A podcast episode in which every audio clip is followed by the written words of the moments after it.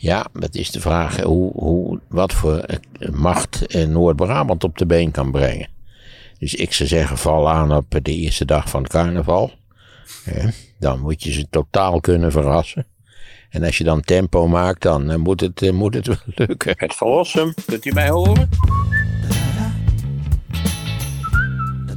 Vind je deze podcast nou leuk? Volg ons kanaal dan. Dat doe je op Apple Podcasts door op het plusje te klikken.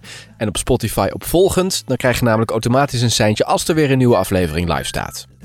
En wat is het meest effectieve wapen? Is daar ook uh, in de wetenschap uh, een, uh, een, nou, een oordeel over geveld? Het meest effectieve wapen? Ik denk dat je, dat je het meest effectieve wapen is een goed werkend, goed georganiseerd en gedisciplineerde combi van meerdere andere wapens, als je het mij vraagt. Ja, sorry, dat ik, moet dit een beetje vanuit de historische hoek eh, belichten. Wat een geweldig wapen was, initieel, want ook daar zijn de vijanden tenslotte gewend aan hoe je het moest doen enzovoort. Dat waren die Duitse panzerdivisies aan het begin van de Tweede Wereldoorlog. En dat was niet ging niet alleen om die tanks, die waren helemaal niet zo geweldig trouwens, van die Duitsers. Want de goede tank, de Panzer 4, dat was maar een betrekkelijk klein deel van hun, eh, van hun panzerdivisies. Maar het was een combi van tanks, die, die eh, op snelheid gebruikt werden. Even, misschien kun je met de Russen bellen, dat als je daar natuurlijk tweeënhalve week langs een tweebaansweg gaat staan met de handel, dat het niet erg effectief is allemaal. En bovendien waren alle Duitse tanks uitgerust met radiografisch materiaal. Dus ze konden door een, er was, in het algemeen was er een soort van een panzerleidwagen of zo, ik weet niet precies hoe het heet, maar een, een commandowagen. Eh, die de zaken natuurlijk kon overzien en die hoorde waar wat die andere tanks precies deden. En dan was er natuurlijk luchtsteun. Kijk, zonder luchtsteun, dat is ook zoiets raadselachtigs in de Oekraïne. Waar is de luchtsteun? Waar is de luchtsteun van de Russen? Waarom functioneert dat niet? Eh, luchtsteun is, is dat, dat luchtsteun stuurt en zorgt voor enorme vuurkracht op een geconcentreerd punt. In de oorlog gaat het eigenlijk altijd om dat jij meer vuurkracht hebt op het specifieke drukpunt dan de tegenstander het heeft. Daar gaat het, daar draait het uiteindelijk. Nou, de Duitsers hadden toen de Stuka. de Stuka is een duikbommenwerper. Hè? Dat zijn die dingen waar die een sirene aanzet als ze naar beneden duiken. Waardoor je, wat verschrikkelijk allemaal. Ja, het is gewoon bangmakerij, maar het werkte geweldig goed. De Stuka was verder in, in bijvoorbeeld in, in, in concurrentie met de met de Spitfire, om maar iets te noemen, een betrekkelijk waardeloos en traag toestel. Maar als duikbommenwerper, dus als tactisch vliegtuig ter ondersteuning van die tanks, was het geweldig. En dat hele systeem, dus de, de, de, het radiografisch contact, plus de tanks, plus de behoorlijke leiding, plus het tempo wat ze voortdurend maakten. En die, en die uh, luchtsteun, dat was enorm effectief. Tot de tegenstander tenslotte meer spullen had dan de Duitsers. Ja. En even goed wist hoe je ze zou moeten gebruiken. Ja.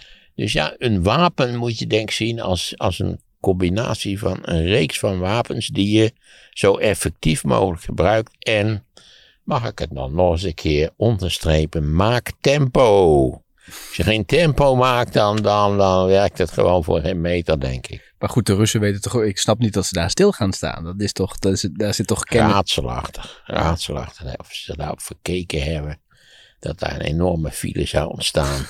dat op die wegen dat er een, een of ander wagentje een lekker band hoeft te krijgen. Of je, je staat met z'n allen gezellig stil. Dat, dat is mij niet helemaal duidelijk, maar je hebt de indruk dat er weinig tempo gemaakt is. Ja. En hoe bouw je het op? Stel dat wij nou uh, een, een leger hebben en we willen vanuit Utrecht West uh, Noord-Brabant aanvallen. En we willen dat veroveren. Hoe bouw je dat dan op? Heb je dan eerst de tanks die komen en daarna komen die andere wagens en ondertussen de vliegtuigen?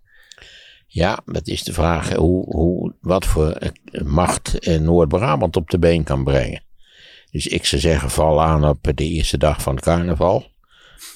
dan moet je ze totaal kunnen verrassen. En als je dan tempo maakt, dan uh, moet, het, uh, moet het wel lukken. Gesteld dat Brabant zich serieus zou kunnen verdedigen in een moderne oorlog. Ja, dan, heb je ook weer luchtsteun nodig en zo. Dus en je hebt de Waal, je moet het water over. Ja, oh jezus, dat ook. En we mogen niet over de brug. Ze kunnen die brug natuurlijk best wel bommel opblazen.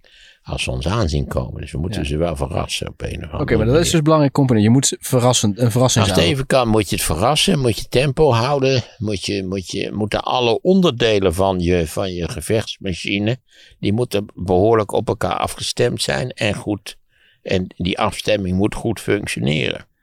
Dan heb je je logistiek natuurlijk. Kijk, die tanks, die vergeet die, dat, die, die, die Audi is een, een wonderbaar voorbeeld van, van zuinigheid vergeleken met een tank. Daar gaat ook benzine begreep in? toch wel dat ze. Nou, eh, ik denk dat wat zal een tank lopen. Eh, het zijn vaak ook grote motoren, 1 op 2 of zo. Maar benzine of diesel? Nou, eh, veel van de Amerikaanse tanks waren volgens mij aanvankelijk benzine. Ze zijn later op diesel overgeschakeld. Dat was dat bij de Duitsers, dat weet ik niet helemaal zeker. Eh, Diesel is in principe natuurlijk beduidend efficiënter dan benzine. Het heeft natuurlijk ook een hogere eh, energiewaarde dan, eh, dan benzine. Dus ja, maar goed, je moet wel zorgen dat je, dat je onderweg eh, behoorlijk kunt tanken, want dan kun je het al helemaal vergeten natuurlijk. En dan moet je dus effectieve luchtsteun hebben. Dat kan op alle mogelijke manieren. En daar denk je toch, daar heb je toch ook wel het gevoel dat bijvoorbeeld met die drones kun je vrij effectief luchtsteun geven zonder dat het je kapitalen kost. Met de luchtsteun in de Tweede Wereldoorlog, dat waren in het algemeen jagers die daarvoor gebruikt werden. En die soms heel effectief waren in dat Ja. werk en soms niet zo. Dat varieerde nogal. Ja, nu worden er ook drones vanuit Polen inderdaad gebracht. Die dan kunnen helpen om... Ja, waarvoor Ja, eigenlijk? en, en Wat doen die drones? Laten die bommen vallen? Ja, die drones die hebben een, een, een, elektronisch oog, een cameraatje. En er zit ergens zit iemand in een container. Heb ik altijd ze zitten, schijnen altijd in containers te zitten. En die zien dus wat, het, wat de drone ziet. En die kunnen keurig, ze kunnen vaak heel lang in de lucht blijven, die drones, omdat ze natuurlijk simpeler en lichter zijn dan een vliegtuig waar een mens in moet zitten. Dat begrijp je wel, dat scheelt, eh, scheelt de wereld. Je begrijpt dat luchtmachten, die hebben niks met drones. Want luchtmachten willen, hè, hoe heet het ook alweer, eh, Top Gun. Dat, dat is wat je wil. Eh, dat je zo'n peperduur jachtvliegtuig, een ding wat 100 miljoen dollar kost. En dan lekkere luchtgevechten. Ik weet niet, heb je die film gezien? Welke film? Top Gun. Nee, heb ik niet gezien. Tom Cruise? The Iceman? Nee. Nou, oké. Na Top Gun, wat een volledig geromantiseerde en kletsika verhaal is over eh, pilotencompetitie, eh, hadden, had de Amerikaanse luchtmacht, ik geloof, vijf keer zoveel aanmeldingen als ze normaal hebben.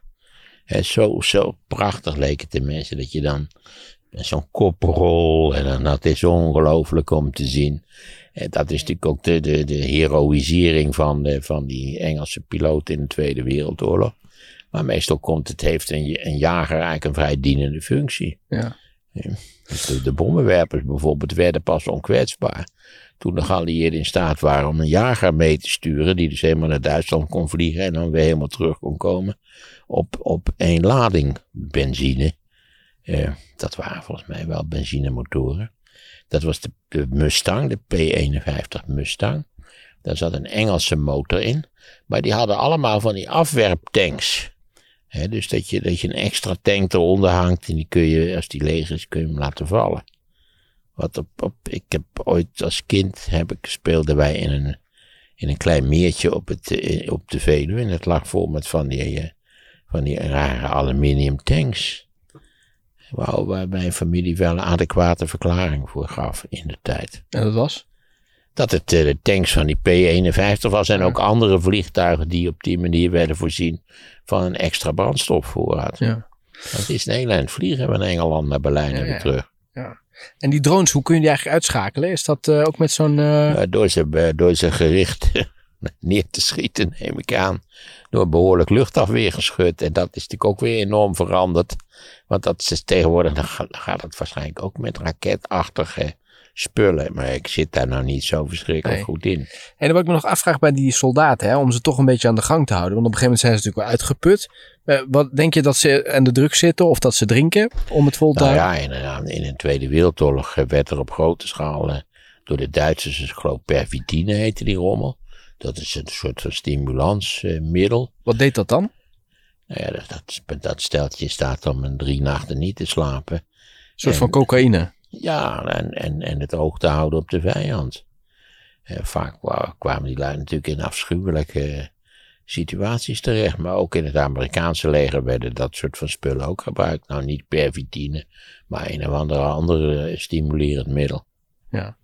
Denk je dat dat nu ook gebeurt? Om, om ze in ieder geval aan de Dat gang te zou houden? mij niks verbazen. Ze gaan het je niet vertellen natuurlijk, dat begrijp je. Nee, oké, maar ik kan me voorstellen als jij een leger aan, aanstuurt, dat je denkt, dit is wel belangrijk om erbij te hebben als, we, als de motivatie een beetje wegzakt. Ja, al heb je wel de indruk dat die Russen misschien iets te weinig van die spullen gebruikt hebben. Ze moeten wat meer snuiven. Ik weet het niet. Het blijft. Ik, ik, ik verheug me, als je dat zo kunt formuleren, op, op de uitleg die we over een paar jaar zullen krijgen over het hopeloos tekortschieten. Maar wie moet dat gaan vertellen dan?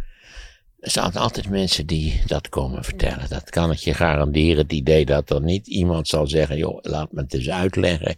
Die is 0,0. Nee.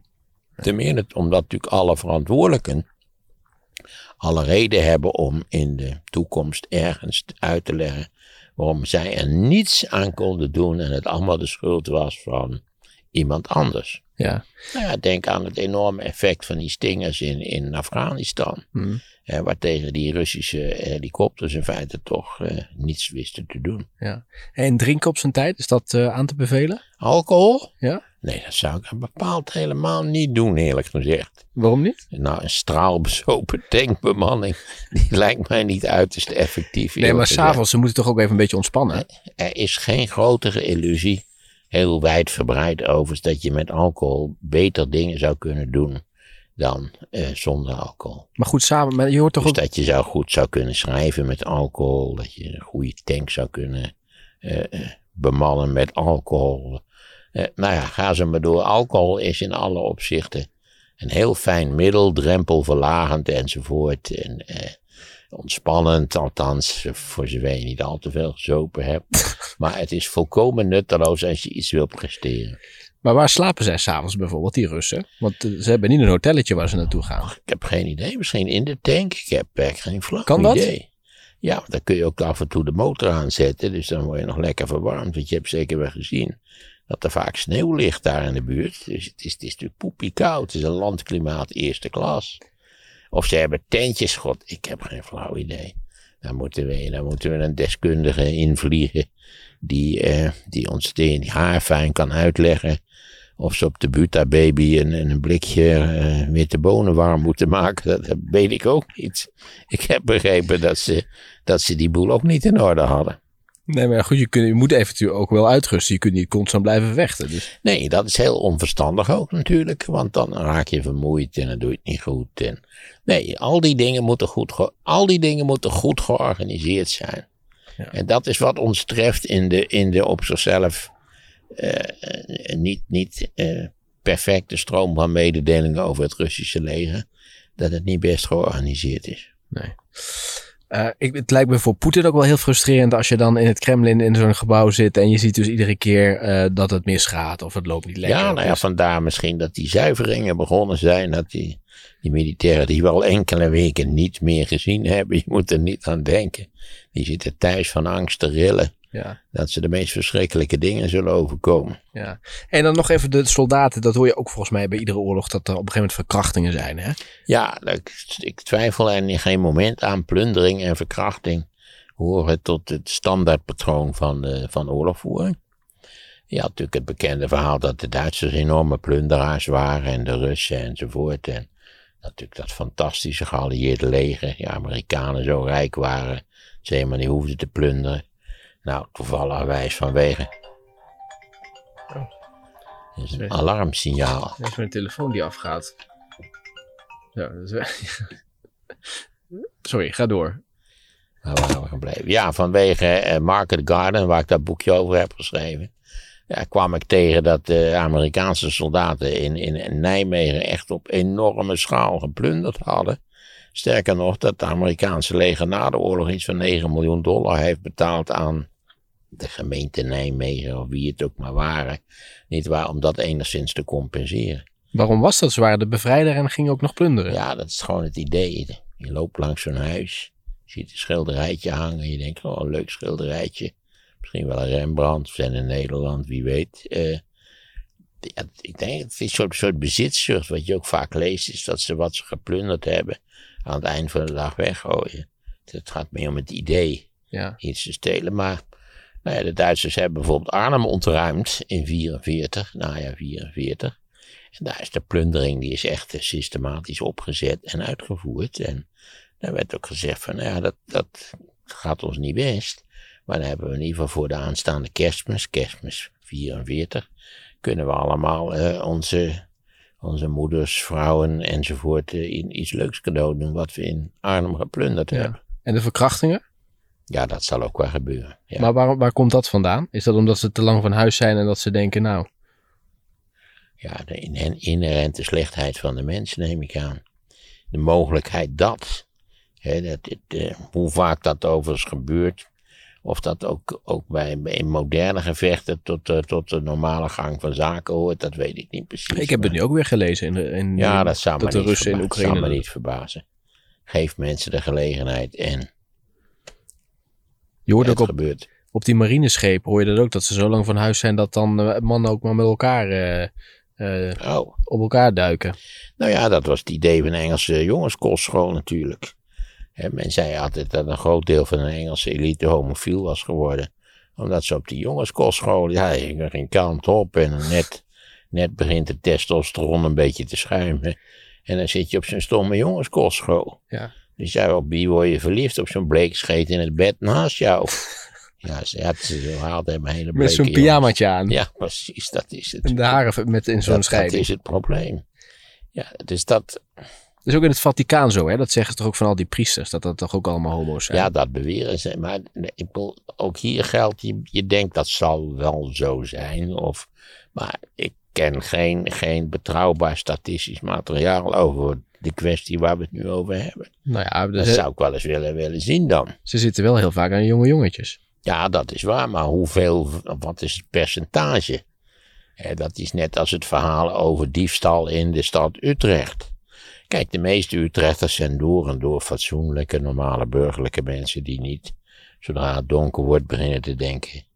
Waar zou ik eens in deze straat naar binnen kunnen slijpen om de rotzooi van de buren te stelen? Nee. Maar je hebt in Utrecht maar 1% diefachtige mensen nodig. En dan heb je al 300.000 gedeeld door, hè, dan zit je al, nou ja, met, met hoeveel dieven zit je er al niet? Nou, maar- Genoeg. Ja, en genoeg, ja. Grote aantallen dieven. Dat, dat geldt natuurlijk voor, voor elke, elke complexe organisatie. Dat er helemaal niet zo heel veel mensen hoeven te zijn die niet meedoen. Die de boel tegenwerken. Die heel wat anders doen. Die er gewoon uit gaan stelen. Oplichten. Wegrijden bij de benzinepomp zonder te betalen. En nou ja, de hele zantenkraam. Ja, dat, dat, dat hoeft maar een klein aantal te zijn. Dan heb je dan verrekt veel last van. Wat vind je daarvan? Van, de, van die mensen? die- Wegrijden bij, zonder te betalen bij de benzinepomp. nou, ik vind het echt een rotstreek. Hè? Maar het zijn misschien wel mensen die echt niet meer weten hoe ze het moeten doen, maar wel benzine nodig hebben. En die dan denken, het is zo duur, laat ik maar wegrijden. Ja, ik, weet niet zou zeggen, ga dan wat minder rijden. Of leen het van je oom. Of het kan me niet schelen hoe, maar het is natuurlijk wel. Maar ja, je weet dat er een, een vrij efficiënt systeem geloof ik nu is opgezet. Met camera's, ja. Ja, met camera's, zodat je die mensen kunt traceren. Dan Ja. worden ze volgens mij. Af en toe gaat de politie erachteraan op de A2, maar daar komt vaak Nee. veel ellende van. Ik had een keer een collega, die was het dus echt oprecht vergeten. Een beetje een sufferd. En die was weggereden. En die kreeg dus en inderdaad het bedrag eh, nog teruggestuurd, eh, toegestuurd. En eh, nog 50 euro extra als boete of zo erbij. Ja, terecht. Als dat zo is, vind ik het een matige boete. Ik zou die meteen voor 250 euro hebben aangeslagen. Maar hij was het gewoon vergeten. Hij had getankt en Ja, dat kan. Ik geef het toe, want je had dit nog niet gezegd. Of ik dacht, goh, ik, ik zat nog eens in een café gezellig te drinken. En, en hoe het zo kwam, ik weet het verdomd niet meer. Het was het hoogte hier in Utrecht. En nou ja, na, na drinkgelach eh, wandelde ik de deur uit. En ik was nog geen tien meter gevorderd. Of de, hoe heet het, was een mevrouw, de bedrijfsleider was een jonge vrouw. Die altijd een zwarte hoge hoed op had. En die kwam me achterbij aan, diep verontwaardigd. Ik had niet betaald. Net wat je zegt, ja, een beetje vergeetachtig. Misschien net toch te veel gezopen, zorgeloze stemming, eh, voorjaarsavond, weet ik veel. Maar het, is, het feit is dat ik weg was gelopen zonder te betalen. Ja, ik eh, vond het heel erg, maar het was wel zo. Het kan dus gebeuren. Kijk, ik kan me wel voorstellen als je het bewust doet, dan, dan zou ik gewoon met wat tape mijn kenteken afplakken. Oh. Ik wil mensen niet op ideeën brengen, maar dan kunnen ze je niet traceren. Ja, u hoort het, eh, dat eh, de firma Jesse brengt een heel pakket in de handel. Namelijk met tape. En, en ook nog een aantal andere dingen. Dus u kunt ook een, een masker opzetten, waardoor je niet herkend kunt worden. Eh, kortom, u zult zien. U kunt de komende tien jaar gratis rijden. Nog eventjes over de geopolitieke dingetjes met Biden. Biden die weer in Europa was. Volgens mij het eerst voordat, sinds dat hij president is, toch? Nee, volgens mij is die in het begin ook even Oh, hij geweest. geweest, ja. Als ik het me goed herinner. Hij schudt in ieder geval weer handen. En Rutte ook, zag ik op de foto. Hij loopt wel oud. Hè? Ik weet niet of je het zag. Ja. Hij loopt dan met Ursula van der Leyen. Liep hij dat gebouw binnen of juist buiten, dat weet ik nog niet. Maar je, je denkt, je zag ook dat zij veel te hard liep. Ze was natuurlijk al wel geprogrammeerd. Denk er nou om, Ursula. Hij gaat niet hard. Hè? Hou het rustig. Maar je zag hoe die, ja. ja, toch heel voorzichtig Hij maakt een liep. oude indruk, oude mannen indruk, Ja, ja. zeker. Hij liep zoals ik nu loop vanwege het feit dat ik zo'n akelig geval heb gemaakt. Zo'n Ja. beetje dat, dat Ja. gevoel. Ik herkende het direct eigenlijk. Ja, maar ook zijn, eh, nou, zijn hele uitstraling. Trump had natuurlijk toch wel iets, die was ook al op de leeftijd, maar die had niet zo'n uitstraling. Die straalde meer Nou energie ja, uit. dat scheelt op die leeftijd toch aanzienlijk. Trump is drie jaar jonger dan ik, dus die is vier jaar jonger dan eh, Biden. En ik denk in betere conditie. Ja, hij heeft ook natuurlijk minder hard gewerkt. En, en, eh, Nou, wel dik is die. Hij is wel echt flink. ja, hij is zeker, zeker overgewicht. Maar ja, Trump maakt wel een vitale Komt indruk. natuurlijk ook door dat haar van hem. Hè, dat denk je natuurlijk van, god, daar komt nog een... eh, Ja, hij is verder zo kaal als een neet, dat haar, nou ja. is het een die- Nee, nee, het heet een comb-over, heet dat. He, dus dat je aan één kant van een schedel laat je het haar, haar heel lang uitgroeien. Zodat je dat haar dan tenslotte over de schedel heen klapt. En aan de andere kant een beetje vastplakt met speciale haarvelpon. Die daarvoor in de handel is. Nou, dus hij is eigenlijk kaal. Dat wist ik niet. Hij is gewoon kaal. En dat hij... Zoals zoveel, zoveel mensen met zo'n comb-over zo kaal oké. zijn. Oké, dat is mij nooit Wist je opgevallen. dat niet? Nee. Krijg je later ook. Dus wees maar voorbereid. Dan kan ik het aan één kant laten groeien en dan kan ik het zo eroverheen. Zo eh, werkt dat, ja. Met als gevolg natuurlijk. Er zijn wel een paar ontzettend komische opnames dat de, dat de wind eronder komt, zal ik maar zeggen. Vooral als die uit eh, Jumbo 1, eh, ik bedoel, eh, Air Force One komt. Want dat, dat kan ineens zo'n, zo'n, zo'n... En dan zie je dus hoe die hele zaak de lucht in gaat. En hoe het in elkaar zit. Ja. En wat vond je inhoudelijk van Biden? Wat hij zei? Want hij heeft wel de kranten weer gehaald op de voorpagina's. Van eh, Poetin heeft het tegenovergestelde gekregen van wat hij wilde. Namelijk een verenigd Nou ja, dat Westen. lijkt me dat hij daar wel gelijk in had. En hij vertelde steeds, dat, dat, althans ook in de Amerikaanse krant staat dat centraal, die waarschuwing voor die eh, niet-traditionele wapens. Dat, eh, dat de Russen in ieder geval voorbereidingen hebben getroffen om dat eventueel te doen. Waardoor ze nog eens meer te bewijzen dat ze geen enkel verstand in hun kop hebben. Want als je zegt, als er nou iets contraproductief gewerkt heeft de laatste jaren, dan is het wel, afgezien even van de Amerikaanse inval in Irak, dan is het wel de Russische inval in de Oekraïne. Die natuurlijk ook de Russische zaken natuurlijk in totaal geen, in tegendeel alleen maar kwaad gedaan heeft. Ja. Allemaal extra troepen naar Oost-Europa gestuurd. De hersendode NATO is uit de doden opgerezen. eh, Het Russische leger heeft zich eh, grotendeels incompetent getoond. Eh, Kortom, het is een ramp. Zou ik zeggen. Hm. Biden durft ook iets verder te gaan dan Europa door. Hij heeft de ban op Russische olie gedaan. Hè? En hij heeft ook Europa op. Ja, dat kan hij makkelijk doen, omdat natuurlijk Amerika is tegenwoordig een energie-exporteur vanwege die fracking. Vroeger was natuurlijk Amerika de grootste energie-importeur, waardoor die fracking, hè, dat, heeft zo, dat levert zowel gas als olie op, is Amerika eigenlijk een exporteur van energie geworden en ook nogal geïnteresseerd in, je moet die rommel wel kwijt. Hè, voordat het, eh, laten we zeggen, over 50 jaar overbodig is geworden, vergeet dat niet. Dus wat zal zo'n investeringscyclus zijn? 25 jaar of zo. Dus ja, dat de Amerikanen nu ook weer eh, zo. Ik, begreep van dat ze zo ruimhartig hebben aangeboden om, een, om de levering van LNG, eh, liquid natural gas, te, te intensiveren, te verdubbelen.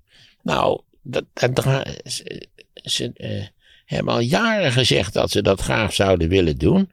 Dat de capaciteit die we in Rotterdam hebben onvoldoende is. Daar hebben we het al eens eerder over gehad. Ze willen het dolgraag aan ons leveren, vooral omdat die LNG een stuk duurder is dan het Russische gas. Waarvan we ook al eens geconstateerd hebben dat het niet bijster prijzig is. Of dat ook te maken heeft met de, met de mate van, van eh, effectiviteit van de warmteopwekking door dat gas, dat weet ik niet. Nee.